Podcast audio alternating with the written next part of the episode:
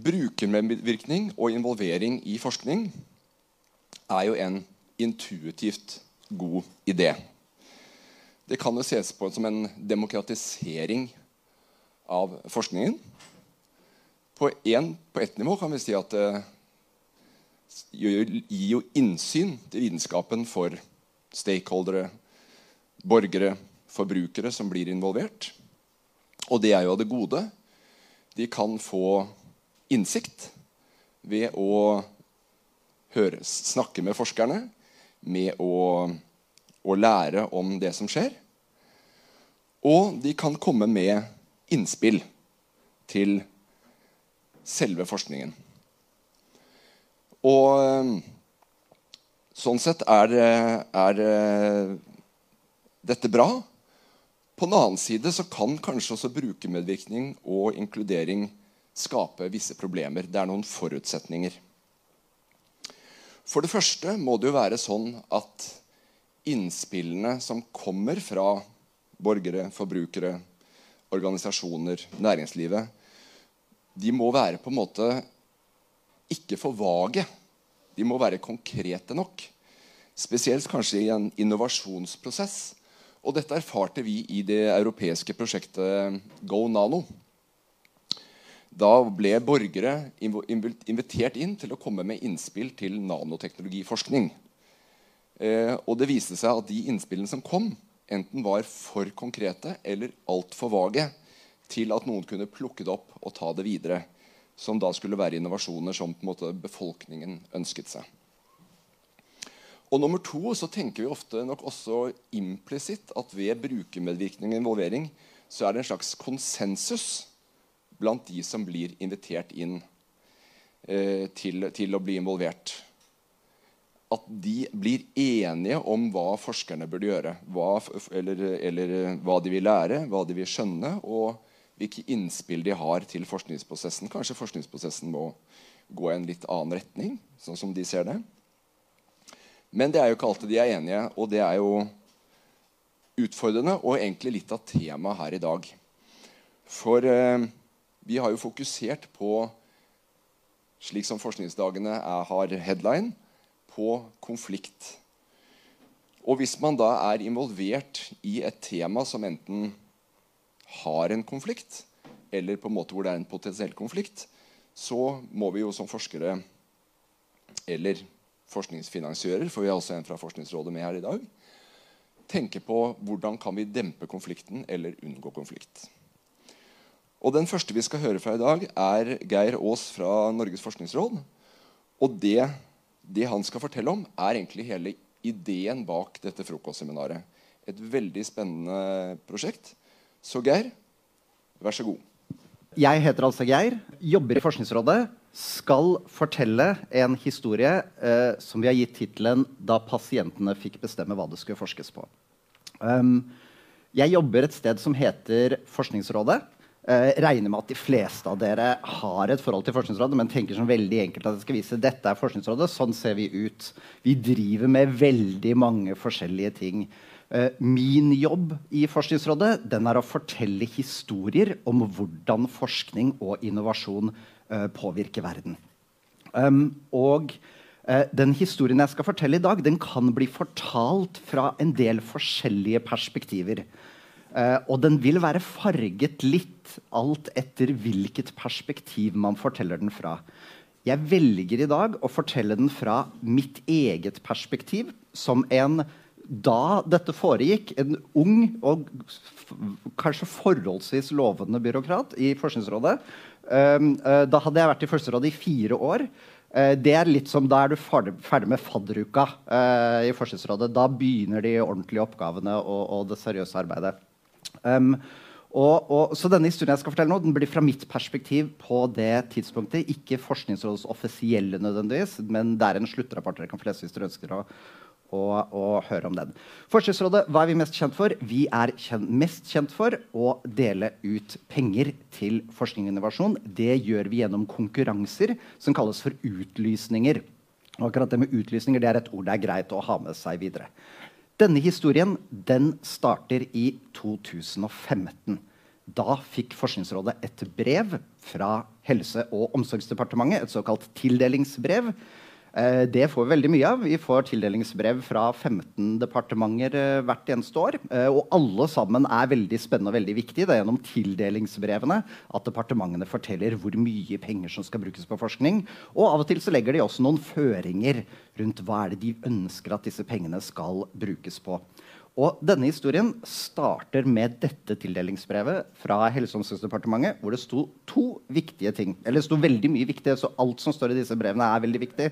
Men det er to ting som er litt førende for det som skjer videre her.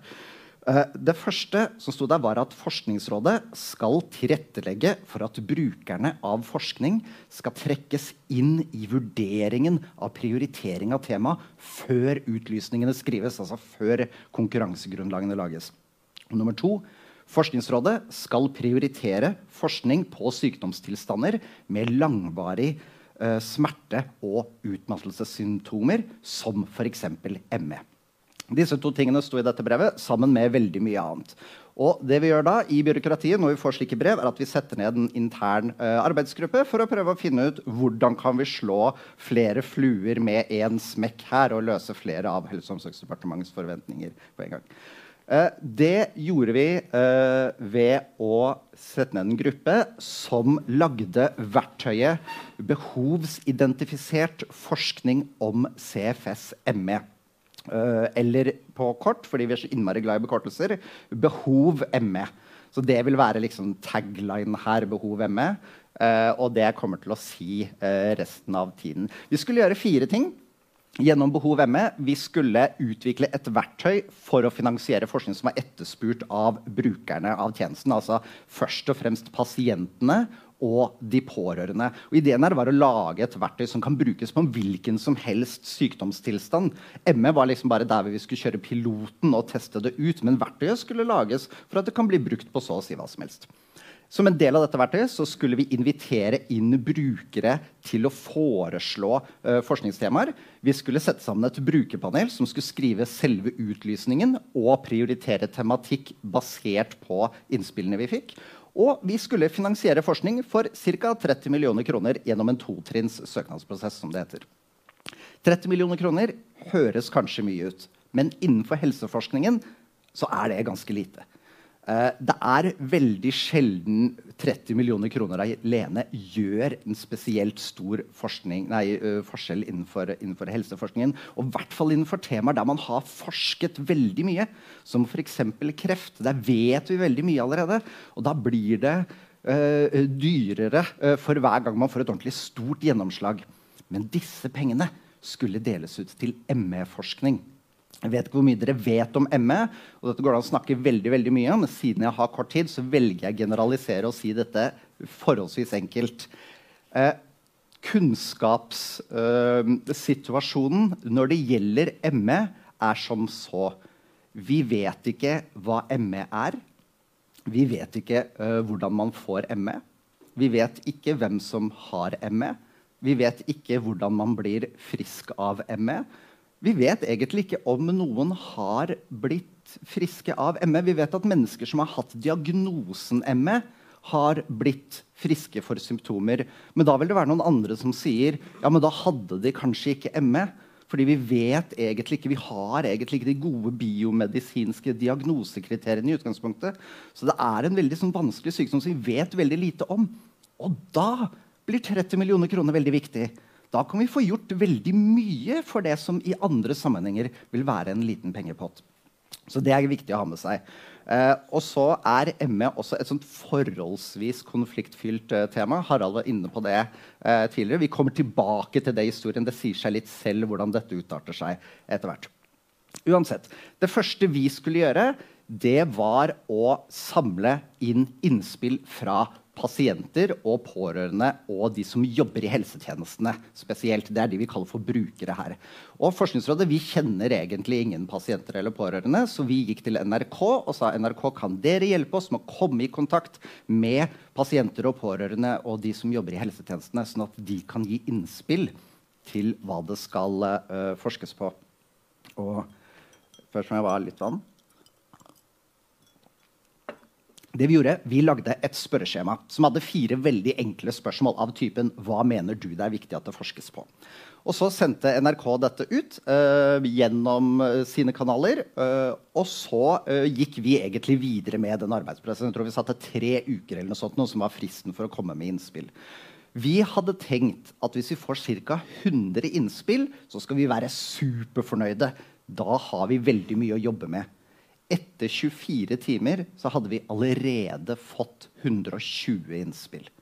Og vi så at spørreskjemaet vårt var blitt oversatt til flere forskjellige språk og nå levde sitt eget liv rundt omkring på internett, hvor det fantes grupper av pasienter og pårørende som satt forskjellige steder i verden og samarbeidet om å skrive svar på dette spørreskjemaet.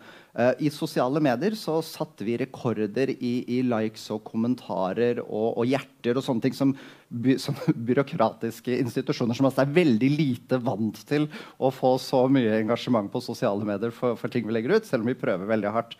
Uh, så vi fikk veldig fort en sånn følelse av at dette, her skaper vi forventninger. Nå, nå, nå er det mange som følger med på, på det som skal skje. Da det hadde gått tre uker, så hadde vi fått 737 innspill. Det var ca. 400 A4-sider med skriftstørrelse 11 eh, i innspill som vi da skulle ta videre for å lage en, en utlysningstekst. Og Her kommer egentlig det som er min dårligste samvittighet i hele denne historien, eh, og hvor min versjon eh, blir viktig. Fordi det er slik at Forskningsrådet vi får innspill hele tiden. Vi spør om masse innspill der ute. Og de vi får innspill fra, det er universiteter eller bedrifter eller forskningsorganisasjoner eller mennesker som, som har meninger om hva Forskningsrådet skal bruke pengene sine på, og som er veldig profesjonelle. De er på jobb, og de er flinke til å skrive innspill. Jeg tenker til og med Noen av dem lever av å skrive innspill til organisasjoner som Forskningsrådet. Så det er vi veldig vant til. De innspillene vi fikk denne gangen, var noe helt annet. Dette var mennesker som først og fremst kanskje hadde et behov for å bare bli hørt og bli sett og fortelle sin historie fra sitt perspektiv i håp om at, at, at det kunne endre noe og bidra, bidra, til en løsning. Og jeg kan ikke egentlig forklare dette så mye bedre enn bare å trekke fram ett sitat. Uh, som vi kan ta med oss. Uh, fra Alle innspillene var anonyme, så vi aner ikke hvem det er som har sendt disse inn. Uh, men et av innspillene var jeg skriver som svært alvorlig ME-syk med tolv år på ryggen i isolasjon og mørke. Jeg har ikke større ønske enn å bli fri fra sykdommen. Pleiehjemmet jeg ligger på, feilbehandlet meg nesten til døde, og en pleier sa til meg om jeg døde, ville de ikke ha dårlig samvittighet. Dette var det en person skrev på, som svar på spørsmålet hva mener du det skal forskes på. Uh, og vi fikk ganske mange sånne svar. Ikke, ikke, alle sammen. Veldig mange var liksom uh, både konkrete og profesjonelle aktører som hadde kommet inn. Men veldig mange av dem var det som var preget av fortvilelse, øh, øh, håp og en del ting som Forskningsrådet som institusjon ikke er så innmari skrudd sammen for liksom å se hvordan vi skal håndtere. Vi skulle lage en utlysning. Det vi gjorde Vi var på klokka også. Vi, det vi gjorde, vi leste gjennom alle eh, 737 innspillene. Og så prøvde vi bare å kode dem for å være sånn Hvordan skal vi ta dette videre? Harald, det var litt som du nevnte også, sånn, Hva gjør man med sånne innspill? Og det vi gjorde, var å lage den grafen her. I Excel Det gremmer meg fortsatt over at det var liksom sånn dette, dette, endte opp. Men det vi gjorde, vi leste gjennom alle innspillene, og så prøvde vi å identifisere sånn cirka hva mener denne personen som har skrevet dette her, at det er viktigst å forske på. Er det årsakene til sykdommen? Er det behandling? Er det diagnosekriterier? Og, så videre, og, så og Grunnen til at dette ikke går opp til 100% var at det var mange som hadde, en, som hadde skrevet avhandlinger som, som, var så lange at de nevnte jo alt. Som jo er veldig viktig å ha med i statistikken, men som ikke hjelper så innmari mye når du skal prioritere noe fremfor noe annet. Men det her var slik vi oppsummerte 737 eh, eh, innspill. Um, uh, og, og, og, dette var viktig, fordi dette var jo det som skulle danne grunnlaget for utlysningen og det jobben brukerpanelet skulle gjøre. Brukerpanelet vårt de fikk da et litt sånt ekstra oppdrag. De besto av uh, seks eh, pasienter skråstrek pårørende. Noen av dem var liksom representanter for pasientorganisasjoner, som ME-foreningen. Andre av dem var uh, bare uorganiserte individer. Eh, og så var det seks personer fra helsetjenesten og forskningsmiljøene. Spesialisthelsetjenesten og primærhelsetjenesten og Kunnskapssenteret for ME osv. Um, Brukerpanelet hadde to hovedoppgaver. De skulle lage en utlysningstekst basert på de innspillene, altså den grafen som vi hadde uh, lagd. Uh, og jeg husker ikke helt om brukerpanelet fikk lov å lese innspillene. Det, liksom, det noe, var noe vanskelig med data og tilgang til helseinformasjon og, og slike ting også. Men, men uh, de skulle i hvert fall lage en utlysningstekst basert på det. Og så skulle de vurdere det som kalles for enkle søknader med hensyn til relevans og brukerinvolvering. og foreslå hvilke søknader som burde sendes til runde to. Så jeg kommer litt tilbake til akkurat det der. Det er litt sånn forskningsbyråkratteknisk. Um, det å skrive utlysningsteksten det gikk veldig lett. Alle klarte å bli enige om som cirka hva det var konkurransen skulle være, og hva forskerne skulle svare på. Eh, men og vi fikk, inn, jo, vi fikk inn 20 såkalte forenklede søknader. Dette var søknader som da ikke er så lange og kompliserte som forskerne vanligvis må skrive til Forskningsrådet, men som er skrevet på en måte sånn at pasienter og pårørende som ikke har forskningsbakgrunn, også kan lese de og forstå en, er dette relevant for, for tematikken vår. Og to, er brukerperspektivene ivaretatt her? Det var de to tingene for, de skulle se på. Vi eh, fikk inn 20 søknader. En av dem handlet om uh, lightning process. Jeg vet ikke hvor mye dere vet om lightning process. Så igjen, for å overforenkle uh, veldig, så kan vi si at hvis ME er en, en uh, konfliktfylt sykdom fordi du har en gjeng med mennesker her som mener dette er en såkalt fysisk sykdom, som man trenger medisin eller en operasjon eller en annen fysiologisk behandling for å bli frisk. Og de her borte mener at ja, kanskje ME er en mer psykisk sykdom. Kanskje det er en form for terapi eller noe sånt noe, som kan gjøre at folk blir friskere av det. Så blir lightning process det blir liksom symbolet i midten som de her borte Det er en kognitiv behandlingsmetode. De her borte liker ikke lightning process i det hele tatt de her heier veldig på Lightning Process. Og når vi da fikk inn en søknad om Lightning Process, så skjønte vi nå kommer eh, konfliktene i dette feltet til å komme opp til overflaten. Og siden vi hadde et veldig balansert brukerpanel, så delte det seg på midten når spørsmålet kom til hvorvidt denne søknaden skulle videre eller ikke. Halvparten eh, sa dette kan vi ikke sende videre. Andre halvparten sa dette må vi sende videre. Vi diskuterte masse. Vi kom til slutt til en avstemning.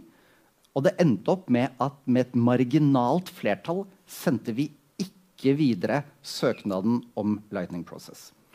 Det førte til en serie kronikker i Dagbladet. Eh, den første eh, het eh, dette. 'Ideologi styrer forskningen' var overskriften. Det syns vi i Forskningsrådet er kjempegøy når vi får sånne overskrifter. Da skal jeg bare lese et kort sitat fra nede den kronikken. Der sto det det faglige har ikke vært sentralt i vurderingene, men derimot personlige meninger og ideologi. Samtidig har Forskningsrådet åpnet opp for at de ideologiske organisasjonene får blokkere fri forskning. Det var det det ble skrevet. Og så ble det skrevet mange kronikker fram og tilbake. Og det ble sendt inn en klage på dette vedtaket, og den gikk videre til et eksternt klageutvalg som skulle se om, om uh, det var greit at denne søknaden ikke hadde blitt sendt videre.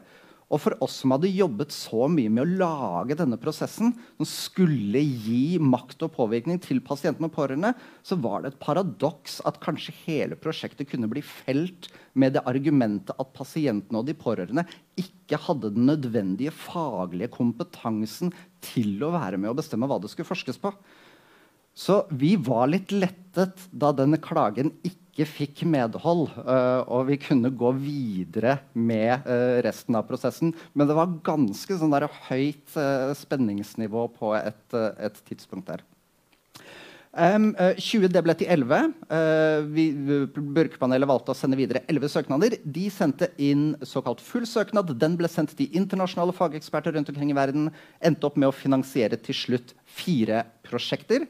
Um, og sånn ser det ut når man finansierer fire ME-prosjekter. Da er alle veldig veldig glad, og Erna Solberg kommer, og det er ordentlig god uh, stemning. Og det ble egentlig en veldig god uh, slutt på akkurat den historien. Men det jeg sitter igjen med uh, som en kommunikasjonsperson her, i tillegg til veldig veldig fint at vi fikk finansiert denne forskningen, og veldig spennende prosjekter, jeg kan se hvor det går med dem ute på internett, de finnes der alle sammen. Um, men den Uh, altså Gjennom hele denne prosessen så opplevde vi et engasjement, spesielt på sosiale medier, som vi aldri har vært i nærheten av før eller siden.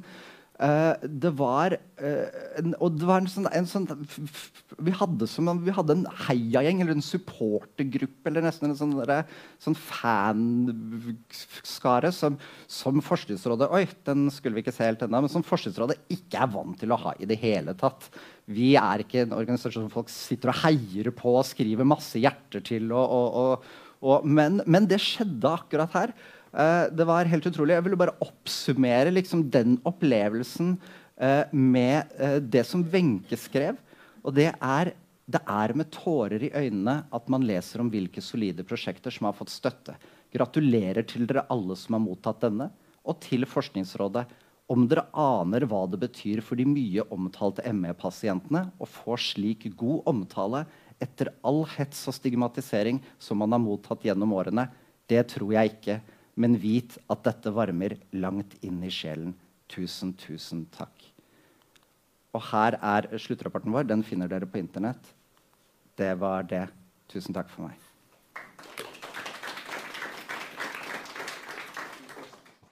Da er det neste post på programmet. Og det er min kjære SIFO-kollega Gunnar Wittersjø. Og han skal snakke om eh, både en metode og noen resultater for bruk av en metode om såkalte hybridforum rundt bærekraftig produksjon av mat. Så Gunnar, vær så god. Ja, eh, god morgen, alle sammen. Eh, jeg skal, som Harald sa, snakke om et eh, resultater fra et eh, prosjekt eh, som heter Organic Plus. Eh, hvor vi har hatt en brukermedvirkning og uh, hvor vi stilte spørsmålet hvem har ansvaret for at vi har god mat til en gruppe bønder og forbrukere. Uh, og som del av et i alt hovedsakelig naturvitenskapelig prosjekt som het Organics Plus, så har vi da ved SIFO vært involvert um, for å undersøke vanlige folks oppfatninger av økologisk mat og bruk av såkalte uønska innsatsfaktorer i økologisk landbruk. Jeg skal komme tilbake til hva disse innsatsfaktorene består av. Prosjektet har sikta mot en aktiv brukerinvolvering, der både bønder og forbrukere har fått anledning til å gi tilbakemeldinger på temaer, metoder og resultater fra prosjektet. Denne type brukerinvolvering har vært krevende, bl.a. fordi det er ganske tekniske og til dels komplekse sammenhenger som vi har bedt om innspill til. Ikke minst forbrukere har mange av temaene og problemstillingene vært ukjente. Men til tross for dette har vi fått en engasjert og spennende diskusjon. Jeg skal i denne sammenhengen gi et eksempel knytta til spørsmålet om hvem som har ansvaret for at vi har tilgang til god mat. Dette ble diskutert i en gruppe av bønder og forbrukere. og Denne diskusjonen ble viktig av mange grunner, bl.a. fordi den førte til en økt refleksjon i den gruppa som vi hadde engasjert. Eh, det ble en mer gjensidig forståelse, og de identifiserte nye utfordringer og behov som jeg skal komme tilbake til. Organic Plus er et eh, fireårig prosjekt finansiert gjennom Horizon 2020, altså EUs rammeprogram for forskning. Eh, det er pågående, eller er mot slutten av siste året nå. Det koordineres fra Universitetet i Coventry Eh, og som nevnt er hovedmålsettinga å forske fram nye alternativer, alternativer til såkalte, såkalte uønska eller kanskje også omstridte innsatsfaktorer innenfor økologisk landbruk. Ja, hva står egentlig den plussen for i Organic? I Organic Plus? Da må vi se på historien til økologisk landbruk. Økologisk landbruk eh, har gradvis vokst fram som et alternativ til det konvensjonelle landbruket med, med sitt bruk av eh, industrifremstilte innsatsfaktorer som kunstgjødsel og kjemiske sprøytemidler. Um, um, men kort fortalt mener man innenfor det økologiske at dette bidrar til å forringe både kvaliteten på jordsmonnet, natur naturgrunnlaget som landbruket bygger på, og kvaliteten på maten som produseres. Den økologiske landbruksbevegelsen organiserte seg tidlig i en internasjonal organisasjon, IFO-AM, som har hatt som et viktig formål å utarbeide felles internasjonale prinsipper for økologisk landbruk. Eh, disse prinsippene har også virka retningsgivende for det regelverket som etter hvert har fått, blitt utvikla, ikke minst på EU-nivå, for å etablere en felles sertifisering og merkeordning for økologisk mat. Kort fortalt kan si at dette EU-regelverket, som også norske myndigheter og produsenter må forholde seg til gjennom EØS-avtalen, så har dette på mange områder um, blitt et kompromiss eller en pragmatisk tilpasning vil noen kanskje si, mellom de overordna prinsippene til IFO-OAM og avveininger mellom ulike politiske, økonomiske og agronomiske hensyn. Dette har bidratt til at man i dag finner en del praksiser innenfor det økologiske landbruket som ønsker å endre på for å nærme seg disse eh, prinsippene til IFO-AM. Og dette gjelder på stadig flere områder. Det er disse praksisene som prosjektet skal bidra til å forbedre, og derav altså pluss Organic pluss. Ja, dette er eh, en plansje som viser litt sånn strukturen i prosjektet. Det er altså de tre naturvitenskapelige forskningsområdene som vi finner i sentrum her. Plant, livestock, soil. Eh, som er på en måte hovedfokuset da, i prosjektet. Og med hensyn til planteproduksjon er man opptatt av å fase ut uh, f.eks. bruken av kobberforbindelser, som er tillatt innenfor det økologiske. Mest brukt i middelhavslandene uh, på f.eks. produksjoner som potet, men også vindyrking. Druedyrking. Når det gjelder dyrehold, er man opptatt av å erstatte syntetiske vitaminer tilsatt dyrefôr med mer naturlig forekommende kilder til vitamin. Og også man forsker man på uh, supplementer til antibiotika Eh, og systemer for å forebygge sykdom, slik at man kan redusere antibiotikabruk. Man forsker også på alternativ til konvensjonell halm og strø som et liggeunderlag for dyr. Eh, og når det gjelder jord, så forsker man på alternative gjødselkilder, f.eks. fra avfall fra fiskeriindustri og ulike grønngjødslingsmetoder. Og man er opptatt av å finne erstatninger for torv, eh, som brukes i oppal av planter, og erstatning for plast, som jorddekke for å, å unngå ugras. Og eh, helt til venstre i denne plansjen så ser vi da det området som heter impact, eh, hvor formidlingen fra prosjektet hører hjemme, og hvor også den samfunnsvitenskapelige forskninga knytta til forbrukeroppfatninger og forbrukermedvirkning hører hjemme. I første omgang har vi spurt befolkningen i europeiske land i hvilken grad de ønsker å fase ut bruken av disse innsatsmidlene, og hvordan en slik utfasing bør gjøres. Dette har vi gjort både gjennom tradisjonelle fokusgrupper og en stor europeisk spørreundersøkelse. Ikke minst har vi gjennomført dialogprosesser da, med forbrukere og bønder i tre europeiske land, Storbritannia, Italia og Norge. Der har vi også gått mer i dybden på utfordringer innen matproduksjon generelt, men også dialog om de innsatsmidlene som det forskes på. Denne dialogprosessen er kalt hybride kompetansegrupper. Hybride fordi de i motsetning til såkalt citizen juries eller borgerforum består av både bønder og forbrukere.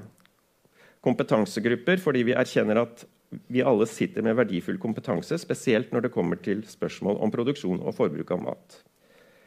Dialogprosessen var lagt opp som en serie av møter med ulike temaer knyttet til forskningsprosjektet.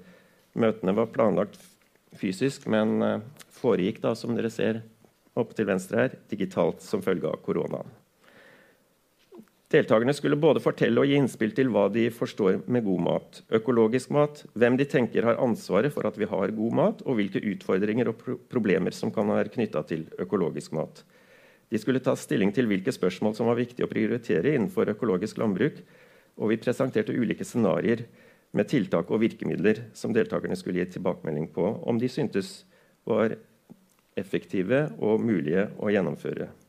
Til hver sesjon hadde vi innkalt eksperter som ga en innføring i de temaene som ble diskutert. Vi delte ofte gruppene inn i smågrupper for å stimulere til diskusjon, som senere ble løftet opp i en plenumsdiskusjon. Og vi tok i bruk uh, ulike digitale verktøy da, som dere ser, for å gjennomføre idémyldrings- og avstemmingsprosesser. Um, og nå skal jeg gi noen, uh, et eksempel da, fra en diskusjon som ble på en måte litt uh, god, og, og som vi fikk en veldig god dialog mellom bøndene og forbrukerne om et spesielt tema som vi stilte da, til denne gruppen. De fikk da i oppgave å diskutere hvem har ansvaret for god mat. Og så ble deltakerne skilt i de ulike smågruppene der bønder og forbrukere ble plassert hver for seg.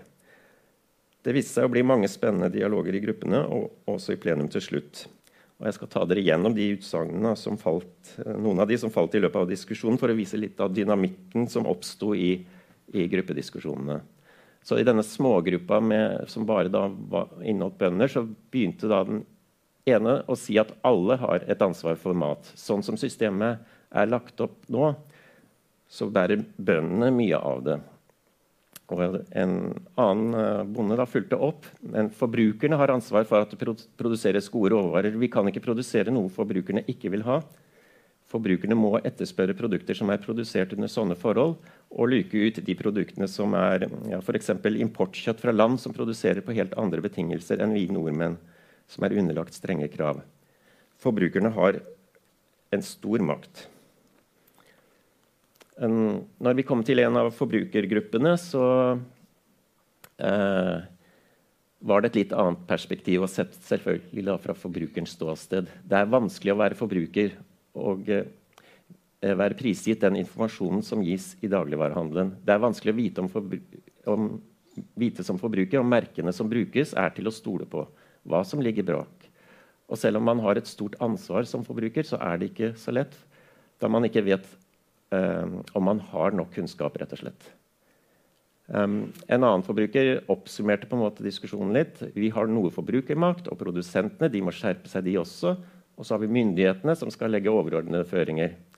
Det er ikke helt to uh, totalt overlatt til markedet heller. Det er litt teit å si at hovedansvaret ligger på myndighetene, men jeg syns jo at det ikke er alt som hvermannsen skal kunne legge seg opp i heller. Så på en måte diskusjonen eh, dreide fra et mer individuelt ansvar til, over til å peke litt på at kanskje det er noen andre som har et mer overordna ansvar. Og når vi gikk over i plenumsdiskusjonen, så var det en av bøndene som sa at eh, det er en ting jeg tenkte på. Jeg er opptatt av matvarekjedene og grossistene. Jeg syns også de har et stort ansvar for hvordan eh, prisleie blir på økologisk mat i forhold til konvensjonelt dyrka mat. Jeg skulle ønske de kunne tenke annerledes eller laget systemer som gjorde det mer riktig og rettferdig. Jeg syns det virker som om det er riv ruskende galt. De store kjedene har så mye penger. Uh, og Da fulgte vi opp som moderator med et spørsmål om kunne man gjort noe for å samarbeide om dette. Og Da uh, responderte en av forbrukerne på dette og sa jeg lurte på om man kunne samle noen i grupper og fungere som en form for lobby. Det er jo så populært i dag. Alle lobbyer går inn mot Stortinget, men uten å gjøre det på en måte som gjør at tankene går til land langt vesten for oss som har en usunn kultur. Men jeg tror kanskje at ett initiativ kunne kommet nedenfra fra den enkelte. Eh, overfor hvem da, tenkte du? Jeg tenker på at Man kan jo gå mot lovgivende og utøvende myndighet i Norge. Men vi kan også gå på organisasjoner som grossister. Jeg tenker Vi kunne organisert oss i forskjellige grupper som tar forskjellige aspekter av matproduksjon og distribusjon. For jeg tror at det er en treg materie når det gjelder politikere og regjering. Eh, så responderer en annen på dette og sier hvis vi ser på en makttanke her, da, hva skal jeg stille opp med når vi har rigga opp et system hvor folk er milliardærer på å selge billige matvarer? Hva skal en forbrukerlobby gjøre når vi har et politisk system som gjør at Odd Reitan blir så rik som man gjør på å selge billig mat. Ja, du må lære å handle hos Reitan, da. Nei, du må la være å handle hos Reitan, da, sier han andre. Ja, lykke til. Det er det som er så vanskelig.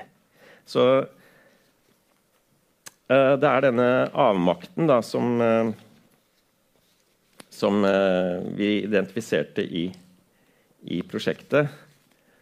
Um, som jeg som vi identifiserte kanskje i begynnelsen av denne diskusjonen, og så utvikla diskusjonen seg til eh, at man etter hvert eh, fikk en dialog om ja, kanskje man skulle eh, plassere ansvar et annet sted i verdikjønn, men hvordan gjør vi det? Og så kom man tilbake til en sånn type avmaktsfølelse. Men samtidig oppsto det på en måte et, konstruktivt eh, forslag om å danne en såkalt lobbygruppe. Eh, og det, det, det, ble sådd et frø på en måte som vi egentlig har fortsatt en tankegang inn i faktisk et nytt prosjekt som vi jobber med nå. Eh, hvor vi har en tanke om kanskje et, se opp, i en såkalt living lab prøve å etablere en, et, det som eh, internasjonalt kalles for Food Policy Councils. Um, på norsk så har vi tenkt kanskje at vi kan oversette det med et form for matråd. Så kanskje dette er det gruppen som skal danne dette matrådet i det nye prosjektet som vi har fått finansiert gjennom et ERA-nett, uh, Food Diverse. Uh, det får vi se på, uh, men det er en prosess på gang eh, der. Um, ja, så Erfaringene også fra de som var med, var på en måte veldig positive. De Bøndene opplevde at det var et veldig viktig forum for dem, bl.a. for å høre forbrukerperspektivet. Uh, de, de, føler seg ofte ganske isolert. De jobber med å produsere maten, og så forsvinner den ut til et sted uten at de egentlig kan følge produktet, eller i hvert fall ikke få følge dem fram til den og ha den dialogen med forbrukeren som vi fikk her. Og Forbrukerne uttrykte at de hadde hatt stort glede av det gjennom å få et innsikt i hvordan maten faktisk blir produsert, få økt kunnskap, um, og ikke minst da kunne uh, ha en, ha en uh, dialog og samtale om dette. Så, uh, ja, så det var på en måte kort oppsummert resultatene fra denne dialogprosessen. Da skal vi over til neste innleder. Han er så moderne at han ikke har noe presentasjon. Han skal bare prate. Og det er Sveining Legard, som er fra postdoktor på Fakultet for samfunnsvitenskap på Oslo OsloMet. Eh, og han skal eh, ikke snakke kanskje om forskning som sådan, men han skal snakke om innbyggermedvirkning i byplanlegging. Så dette gleder vi oss til. Velkommen. Jo, jeg heter altså Sveinung Legard og eh, er nå for tiden postdok på Handelshøyskolen på, på, på Oslo OsloMet. Eh, og der jobber jeg som et prosjekt som eh, sammenligner ulike tilnærminger til innbyggermedvirkning i eh, byutvikling og byplanlegging i Oslo, Madrid og Melbourne. Til vanlig så jeg forsker, eh, jobber jeg som forsker på Arbeidsforskningsinstituttet. Og eh, Arbeidsforskningsinstituttet har jo en, en, historie med det som kalles for aksjonsforskning. Hvor ulike typer av eh, involvering av eh, eh ja, eh, f.eks. spesielt ansatte i bedrifter eller i større organisasjoner har stått veldig sentralt i forskningsprosjektene. Men eh, det er også på en måte mange nye eh, metoder som utvikles i dag på Arbeidsforskningsinstituttet. Det er veldig interessant å høre fra Forskningsrådet fra SIFO. Eh, eh, og, og, og, morsomt å se at det er liksom så mye spennende som eh, pågår.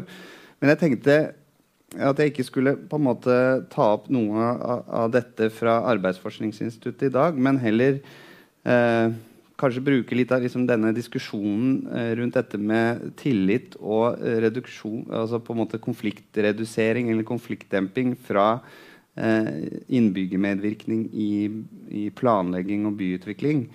Eh, til å se om dette på en måte har noe relevans i forhold til liksom, diskusjonen Eh, som er tema for dette møtet, om, om eh, brukerinvolvering eller brukermedvirkning i forskning kan bidra til å øke tillit og, eller dempe konflikter. Og egentlig så hadde jeg tenkt å prøve å argumentere for at eh, selv om medvirkning, innbyggermedvirkning da, i, i eh, planlegging og byutvikling kan bidra til å måtte øke tilliten til demokratiet, eller politiske myndigheter og eh, redusere konflikter, så bør ikke det være eh, målsetning med medvirkningen i seg selv.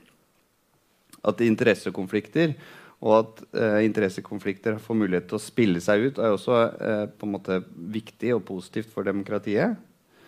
Og at det kanskje har en viss relevans for brukermedvirkning i forskning. Vi kan jo se. Eh, bare aller først eh, dette med, med tillit da, og medvirkning. Eh, det er et argument som man alltid omtrent hører i alle diskusjoner, eller, og spesielt av de som forfekter økt eh, medvirkning i, i, eh, i, i planlegging og, og byutvikling. For så sier eh, KMD at god innbyggermedvirkning kan gi politikken bedre forankring blant innbyggerne og gi dem økt tillit til at de folkevalgte lytter og tar hensyn til deres behov. KS, kommunenes interesseorganisasjon, sier at innbyggerdialog er viktig for tilliten til lokaldemokratiet. Så dette her på en måte er et, er et helt eh, sentralt argument. Og så er jo på en måte spørsmålet om, det, om dette her faktisk stemmer eller ikke. Altså viser eh, eller for å si det sånn, viser forskning at eh, medvirkning eh, fører til økt tillit. Okay, så, og, og, her er på en måte forskningen sprikende. Uh, jeg prøvde å, på en måte før jeg kom på dette møtet, å gå gjennom liksom, noen av de mer sånn, sentrale forskningsbidragene på akkurat det området her. Um, og der er det noen som da hevder at godt organiserte medvirkningsprosesser kan bidra til å uh, øke tilliten. Eh, men at eh, ofte så dreier jo dette seg om ganske sånne små prosesser med et lite antall mennesker. Og det store problemet er jo det eh, å, å, å, vite hva som kom først. Var det på en måte at folk i utgangspunktet hadde, har tillit til politiske prosesser og demokratiet som gjør at de deltar? Eller får de det på en måte ved sin deltakelse? Og det andre spørsmålet er jo også eh, på en måte, hva er det man faktisk måler når man spør om på en måte, folk har fått tillit til eh, prosesser eller institusjoner. Er det bare rett og slett at de er eh, fornøyd sånn, i stort sett? Fornøyd med utfallet? Altså, det er en veldig klar sammenheng med å være fornøyd med utfallet av en medvirkningsprosess og det å ha på en måte tillit til eh, eh, eh prosessen. så, så på en måte så er det et vanskelig konsept eller begrep i seg selv. da. Eh, for hvis det er én ting som er sikkert, eh, så er det jo at, eh, at, personer som har høyere tillit i utgangspunktet, har en, også en større tendens til å delta i den type medvingsprosesser, akkurat som å delta på en måte i politisk sånn, generelt. Men eh, spørsmålet er om tillit, på en måte det å øke tillit, bør være en hovedmålsetning eller målsetning i seg selv med innbyggermedvirkning. Um, uh, uh, ja, ofte liksom har jeg inntrykk av at, at, det brukes som en, uh, en måte å selge inn på en måte medvirkningsprosjekter. Altså dette her kan styrke tilliten til de politiske institusjonene. Eh, jeg husker eh, at jeg selv var en gang med i en, sånn, eh, et innbyggerinitiativ for å teste ut deltakende budsjettering i Oslo. Vi sier at innbyggerne får en en, en, en mulighet til å bruke bestemme over en viss pott penger da, av de offentlige budsjettene. Og det er klart, Da brukte vi jo alle mulige argumenter, også dette med at det kunne bidra til å øke tilliten til de politiske institusjonene. Men det, det, går jo også an å på en måte problematisere det her på en, på en litt annen måte. Altså det, Ønsker vi på en måte tillit og økt tillit uh, uh, i seg selv? En uh, britisk filosof som heter Onara O'Neill, har sagt at ingen fornuftige personer vil simpelthen bare ha mer tillit. Fornuftige mennesker vil vise sin tillit hvor den er fortjent. Tilliten er velplassert hvis den er rettet mot forhold hvor den andre parten er troverdig, kompetent og ærlig, altså tillitsverdig. Så på en måte, Hennes argument er jo at, at, eh, at vi, vi, ønsker tillitsverdige institusjoner. Eh, vi ønsker tillitsverdige eh, politikere. Og eh, måte, det, er, det, er, noe problematisk med det å ønske at tilliten eh, i seg selv måte, eller i stort eh, skal øke. Et av eh, eh, kronargumentene i på en måte denne tillitsdiskusjonen er når folk på en måte da får sjanse til å møte hverandre og, og får en forståelse for andres perspektiver, så vil også konfliktene reduseres. Um, og det er jo også eh, mulig. Eh, men det er også på en måte et spørsmål om det alltid er ønskelig. Altså, det finnes jo interessekonflikter eh, i samfunnet. Eh, i, I, medvirkningsprosesser så er det jo på en måte ganske tydelig at du kan ha konflikter mellom utbyggere eller, og innbyggere i et gitt område. Spørsmålet er på en måte om denne eh, konflikten Eh, er det på en måte ønskelig at denne konflikten skal viskes ut, eller på en måte er det ønskelig å, skape arena for også hvor den kan spille seg ut? da? Eh, en, en, fransk filosof som heter Chantal Mouffe, hun har, kritiserer jo veldig dette her som perspektivet på at demokratiet skal bidra til å fjerne eh, konflikter. Og hun sier at i et demokratisk samfunn er ikke konflikter og konfrontasjoner tegn på noe feil men snarere en indikasjon på at demokratiet er levende og preget av pluralisme. Men eh, på en måte uansett okay, hvordan vi ser på dette med, med konflikter da, uh, i, i, demokratiet, så, så, er dette med å, og medvirkning da, i planlegging og byutvikling kan, kan, bidra til å øke tillit eller ikke, og, og redusere konflikter eller ikke grunnleggende sett biprodukter av medvirkningen. Altså medvirkningen organiseres eh, og, og, iverksettes av andre grunner. Eh, eh den norske filosofen Jon Elster han hadde eh, på en måte en sånn kritikk av de som hevda at medvirkning eller politisk deltakelse i stort var viktig fordi det på en måte gir oss en evne til å lære hvordan vi kan være politisk aktive i samfunnet. Og han, han, han, han, sa at dette, på en måte, okay, dette her er en, en mulig gevinst ved politisk deltakelse, mulig gevinst ved medvirkningen. Men det kan, ikke være, det kan heller ikke være målsetningen. Um, han, og argumentet hans var at gevinsten ved deltakelse er essensielt sett biprodukter.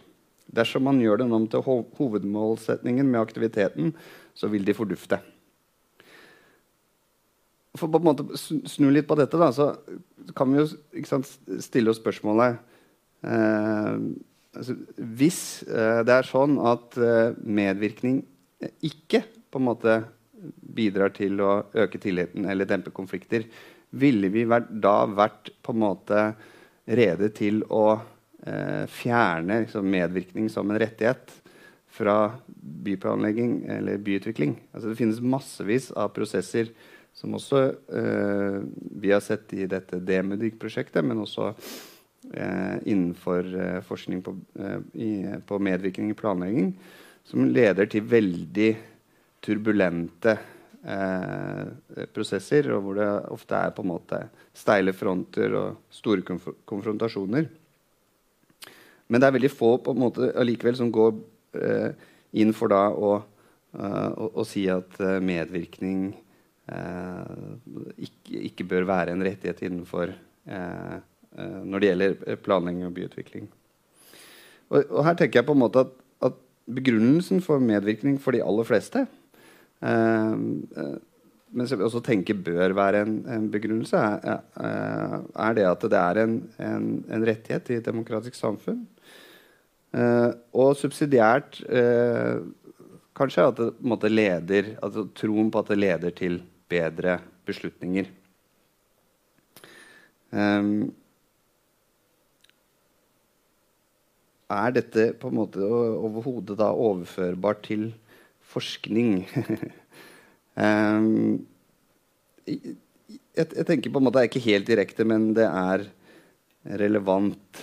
Uh, uh, de funksjonshemmedes organisasjoner og som, jeg vet ikke, på en måte, muligens at dette også har inspirert uh, hvordan dere tenkte i Forskningsrådet, har lenge brukt dette slagordet 'ingenting med oss uten oss'. Altså, her er jo tanken på en måte øh, øh, vi, Forskningen har konsekvenser for våre liv, for hvordan velferdsstaten møter oss. Og dermed har vi også på en måte en rett eh, og skal bli hørt i, i, den forskningen som er på oss. da.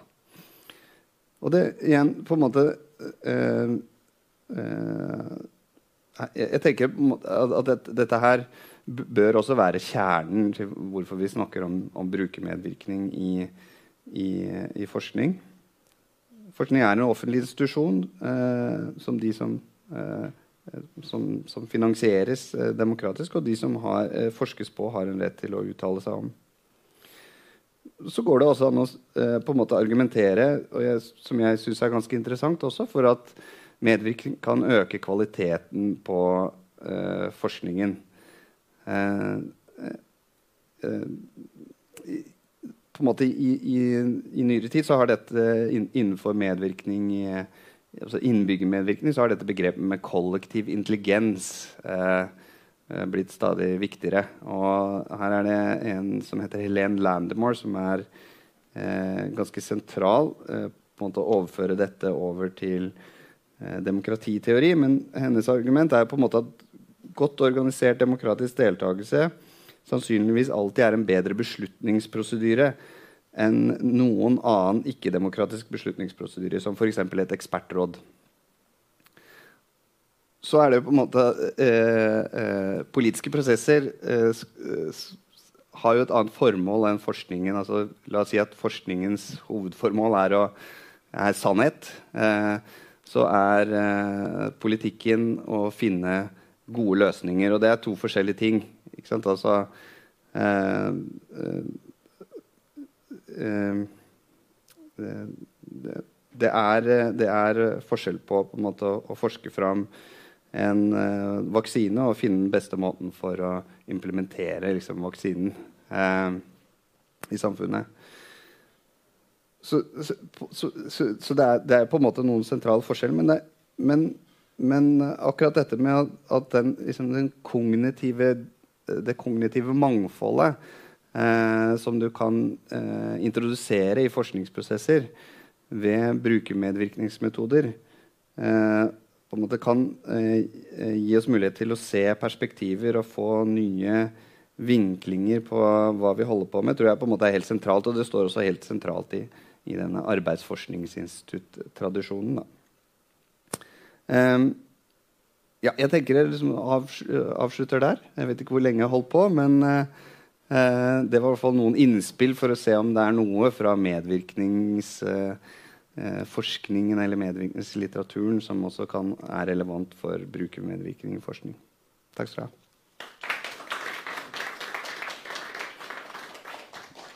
Neste taler og siste taler for i dag, før vi kanskje får tid til en liten paneloppsummering, det er Heidi Dalsveen.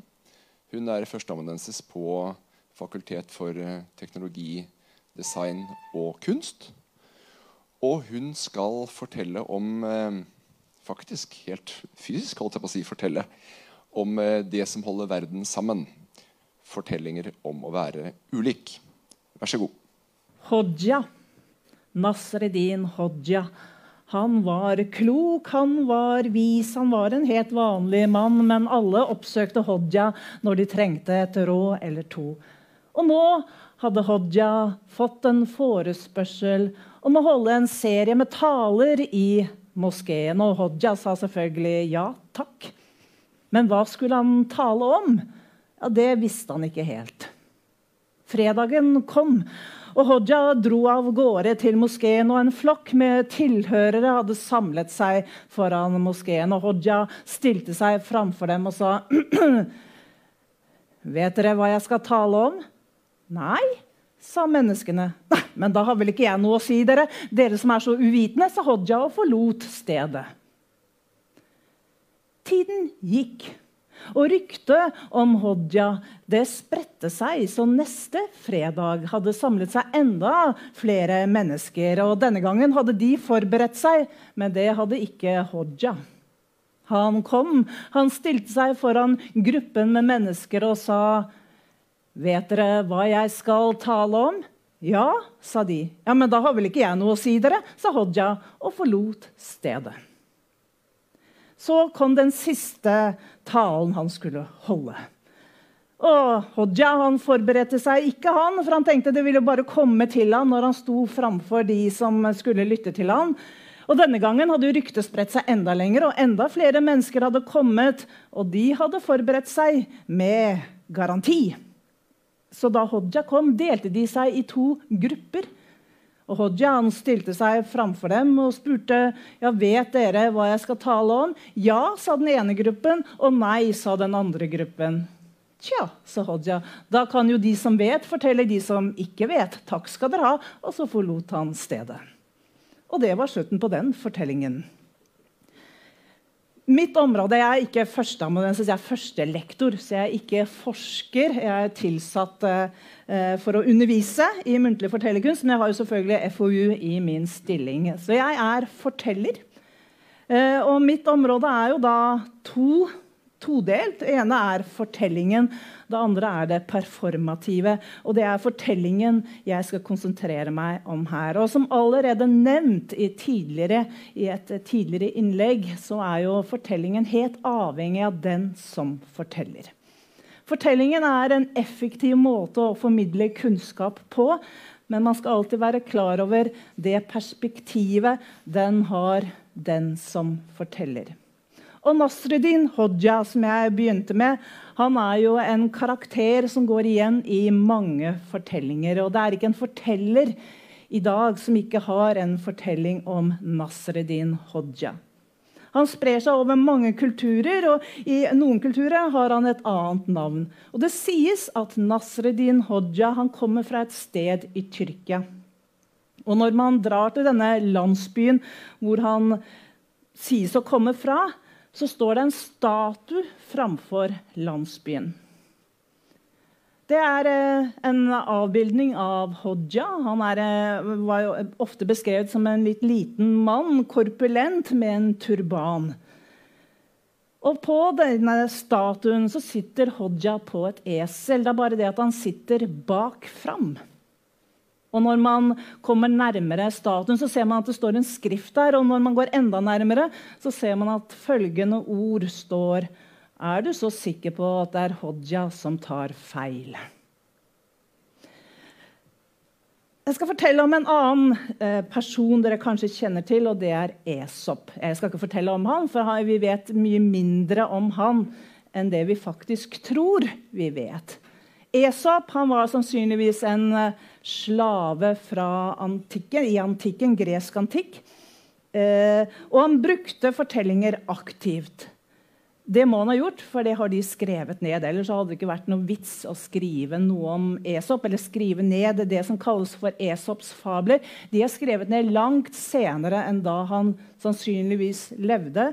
Og I vår tid så blir jo ofte Esops fabler oppfattet som fortellinger for barn, men det er de jo overhodet egentlig ikke. Den fortellingen jeg skal fortelle, forteller kanskje enda tydeligere om hvordan perspektivet påvirker en fortelling. Og Fabelen forteller om en løve, en fantastisk løve. På enden av sin hale hadde den en kraftig hårdott, og manken den var stor. Likevel hadde denne løven pleiet et nært vennskap med et menneske. Ja, stadig møttes de to og hadde lange samtaler. En mann traff løven. En dag da denne mannen og løven var ute og vandret, så kom de, kom de til å diskutere om hvem var den mektigste, løven eller mannen. Og de begynte å argumentere og diskutere seg imellom. Mannen mente selvfølgelig at mennesket var langt mektigere enn løven, mens løven på sin side mente at løven sto øverst. Og løven sa bare jeg gjør sånn med poten min, så vil du forsvinne i frykt. Ja, men hvis jeg hadde våpen, sa mannen, så ville du forsvinne i frykt. De ble ikke enige. Så mannen sa, 'Du, kom her, så skal jeg vise deg noe.' Så tok han med seg løven inn i en landsby, inn på et torg. Der var det en stor statue av den store greske helten Herakles, som knelte en løve ned under sin mektige kropp, så løven lå helt flat. Og mannen sa, 'Der ser du bevis på at mennesket er langt mektigere enn løven.' Nemlig. Løven studerte statuen. Løven løftet litt på den ene munnviken sin, knurret litt og sa, 'Det der beviser ingenting.' Det er jo et menneske som har laget statuen. Hadde jeg laget statuen, jeg som løve, så hadde Herakles ligget sammenklemt under min pot. Og det var slutten på den fortellingen.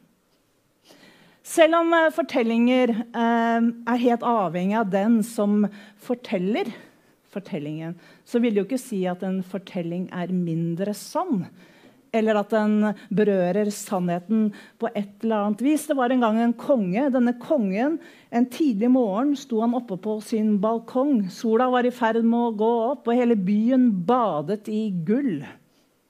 Kongen, framfor seg på rekkverket, hadde han en kopp med te og en krukke med honning.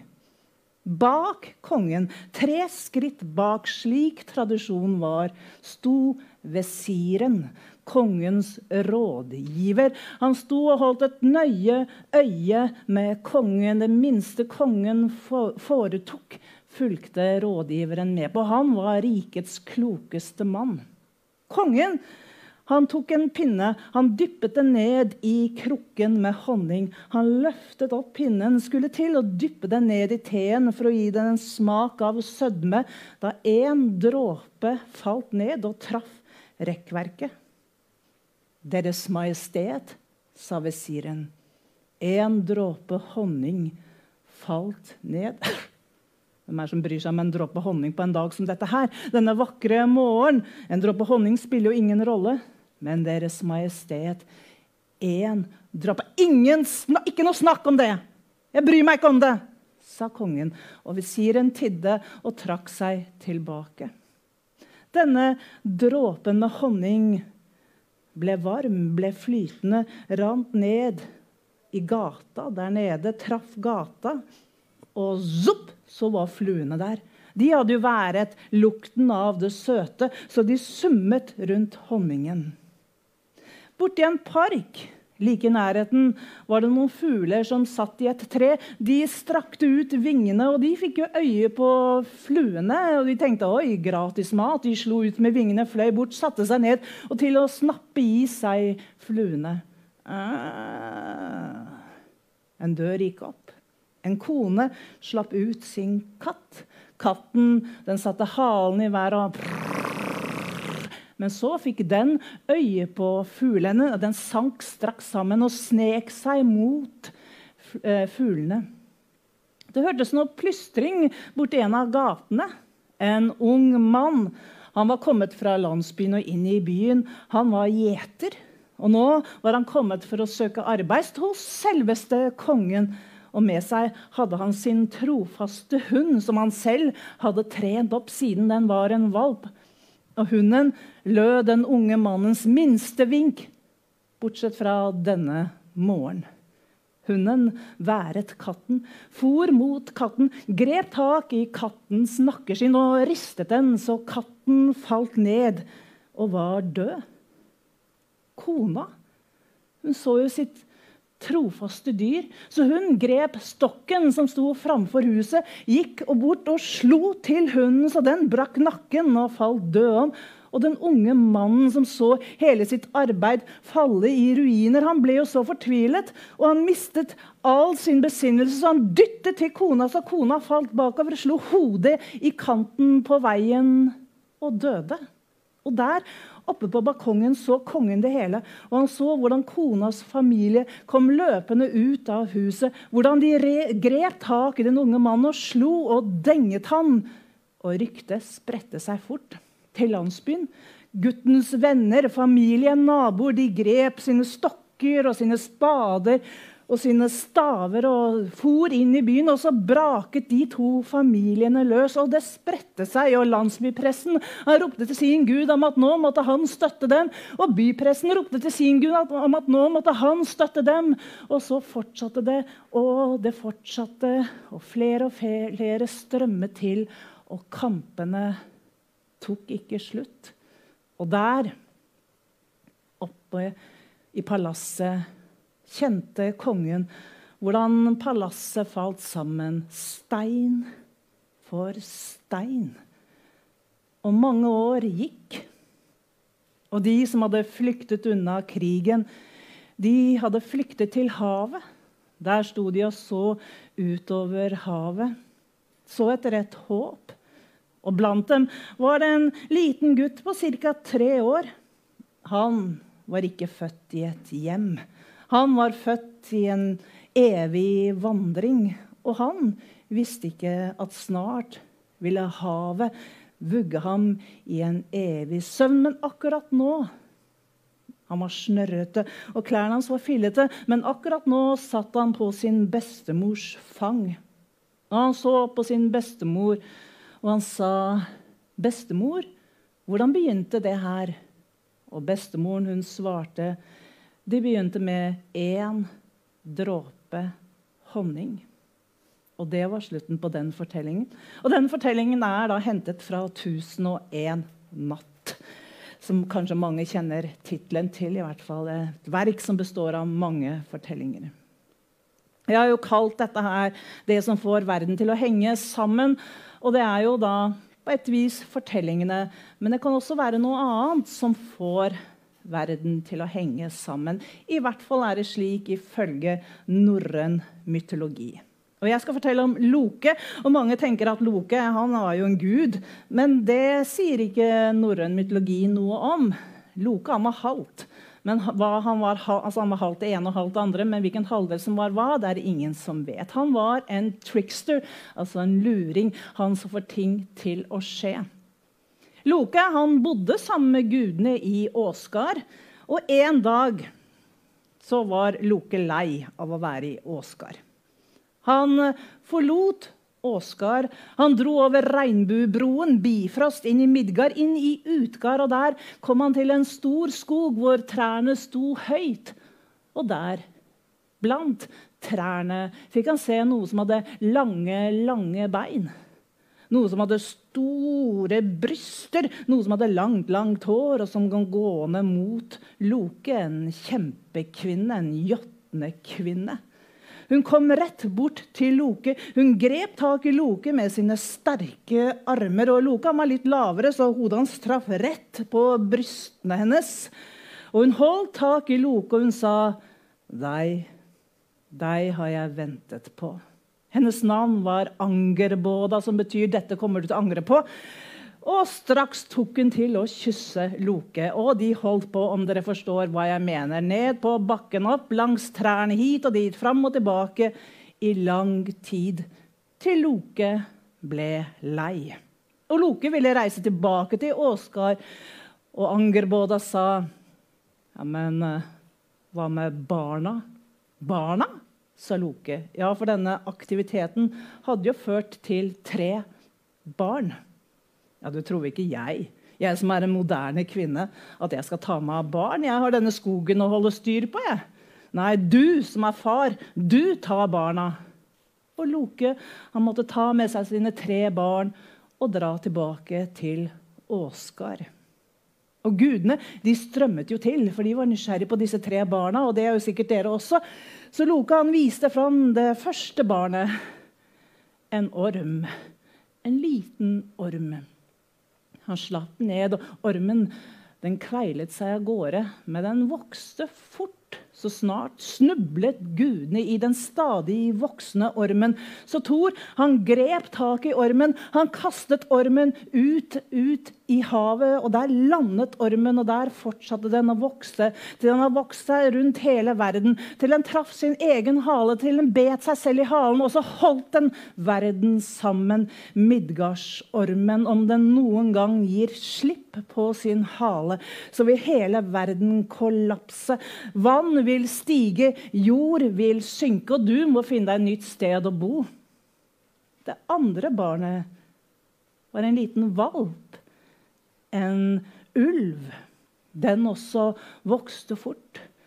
Fenrisulven. Snart var den så stor at den ville sluke den eneste gule ballen den så, nemlig månen, og gudene måtte binde den fast på et sted hvor den ikke kunne nå månen. Og de brukte et tau. De måtte lage et eget tau som var så sterkt at den ikke kunne slite seg løs. og Det tauet var laget av fiskenes pust, det tauet var laget av fuglenes spytt, det tauet var laget av kvinnenes skjegg, det tauet var laget av fjellets røtter. Det holdt Fenrisulven fast.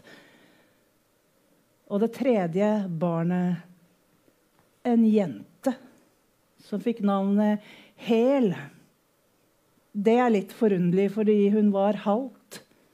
Halvt døende, halvt levende. Men kanskje det er derfor hun fikk navnet Hel. For det er nettopp helheten, død og liv, i den samme. Hun var grådig, så de plasserte henne nord og ned.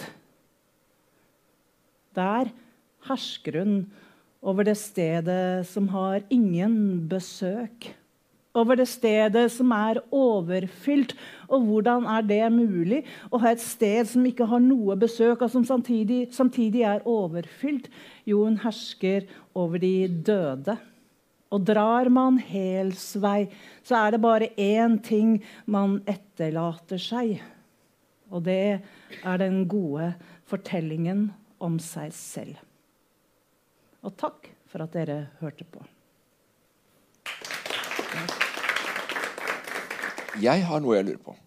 Um, eller jeg tenkte for det første dette med som også Sveinung var innom, dette her med hvordan man inkluderer Hvorfor inkludere uh, ulike mennesker? Uh, så kan man jo si at det er på en måte både en, noe handler om innsyn. Innsyn i vitenskapens prosesser. Det handler om innsikt i vitenskapens prosesser. Og så er det muligheten til å gi innspill til vitenskapen eller forskningens premisser. Uh, jeg har jo drevet litt med, med involvering selv. Ofte lovet altfor mye. Uh, at hvis dere er med her, så kan dere være med og gi innspill til politisk uh, prosesser. og det, liksom, det, kommer inn til Stortinget, og det er så interessant, og det kommer i kronikker og alt mulig. så dette handler jo også om hvilke forventninger egentlig vi, vi setter hos, hos, de som er med på, på, det vi driver med.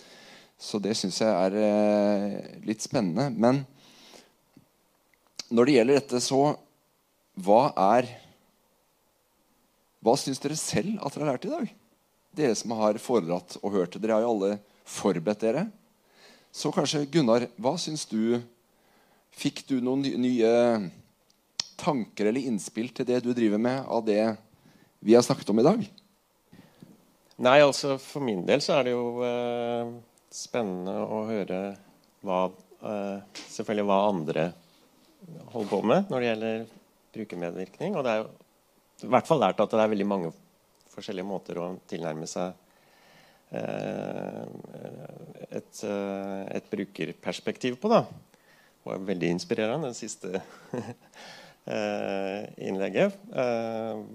Hvor, som viser hvor, hvor viktig altså det, det, egne ståstedet er. Og det er jo det vi også ser i når vi er ute i, i, og, og, involverer folk med ulike bakgrunner, at, uh, at, det er jo nettopp det som, uh, som folk kommer med, sitt eget perspektiv uh, på kanskje samme type spørsmål eller utfordring eller tema.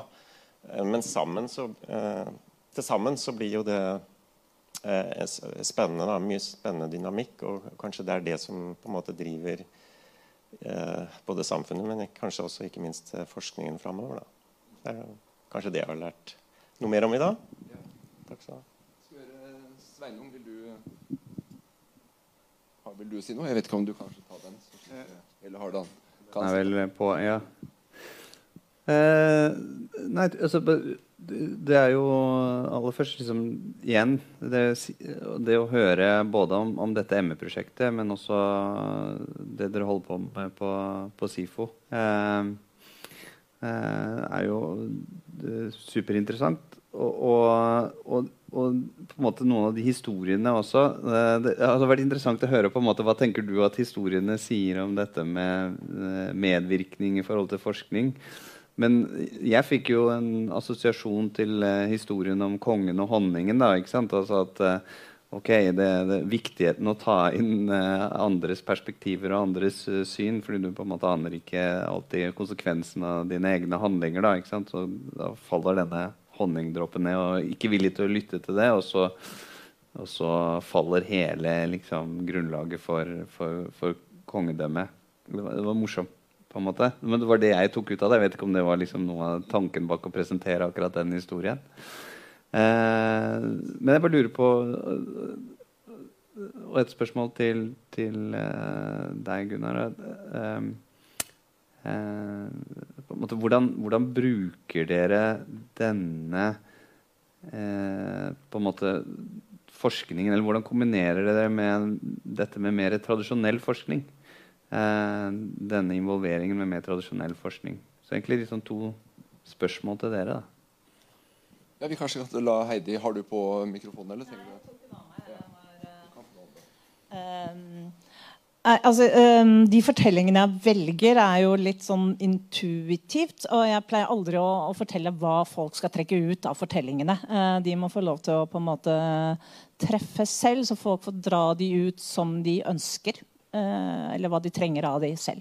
Um, men det jeg tenkte på, var noe du sa, faktisk. Du refererte til en filosof, fransk kvinnelig filosof, var det ikke det, i ditt innlegg? Som jeg tenkte ja, selvfølgelig. Og det er det med konflikter, at det må også være til stede. Og det angår jo spesielt uh, fortellingene.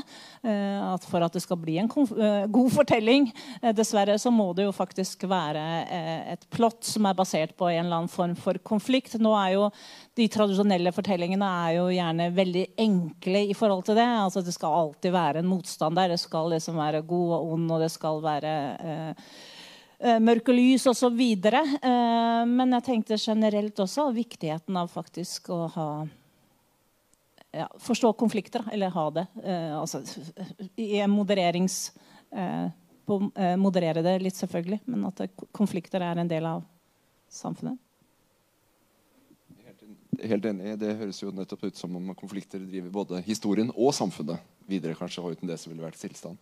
Men uh, Sveinung hadde en refleksjon til deg òg. Ja. Uh, nå, fikk, uh, nå, var det veldig en liten del av, av forskninga jeg fikk presentere her i dag. Jeg tok på en måte bare ut et, eksempel, eller én en diskusjon som vi hadde av utallige i den gruppa, og, og, på en måte også noe som egentlig var litt på sida av det vi egentlig skulle ha ut av, eh, av denne, denne, kompetansegruppa, som vi ønska mer sånn konkrete innspill på de naturvitenskapelige prosjektene innafor prosjektet. Um, men det som, eh, det som de innspillene vi får ifra, fra, fra disse brukerne, er jo uh, for på en måte å bekrefte eller avkrefte litt de, de, også de forestillingene som vi som forskere har om, om hva som eh, forventes, eller eh, og, og, og, hva som forventes, og, og hvilke type oppfatninger og, forståelse som fins der ute om, om, det vi faktisk eh, forsker på.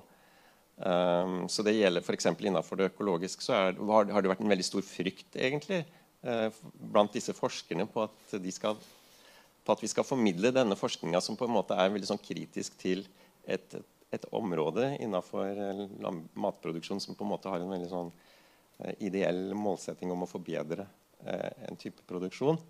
Eh, det kan jo føre til masse kritikk eh, og, og, faktisk kontroverser ute i, i, det offentlige. Både om, om eh, forskninga, men også om økologisk landbruk landbruksproduksjon, økologisk mat uh, generelt, når man på en måte setter et sånn kritisk søkelys på det. Så, så, det er på en måte også jeg tror det å involvere da brukerne og, og, og spørre folk både gjennom server og fokusgrupper osv. Så, videre, så, så kanskje også avmystifisere litt uh, forskernes egne, egen uh, forståelse, rolleforståelse og forståelse av forskningens betydning i samfunnet også, faktisk. Eh, så det, også, det, er også spennende i den dialogen mellom ulike forskningsgrener, altså naturvitenskap og samfunnsvitenskap, som du får gjennom et sånt forskningsprosjekt. Det er også veldig, veldig spennende og givende.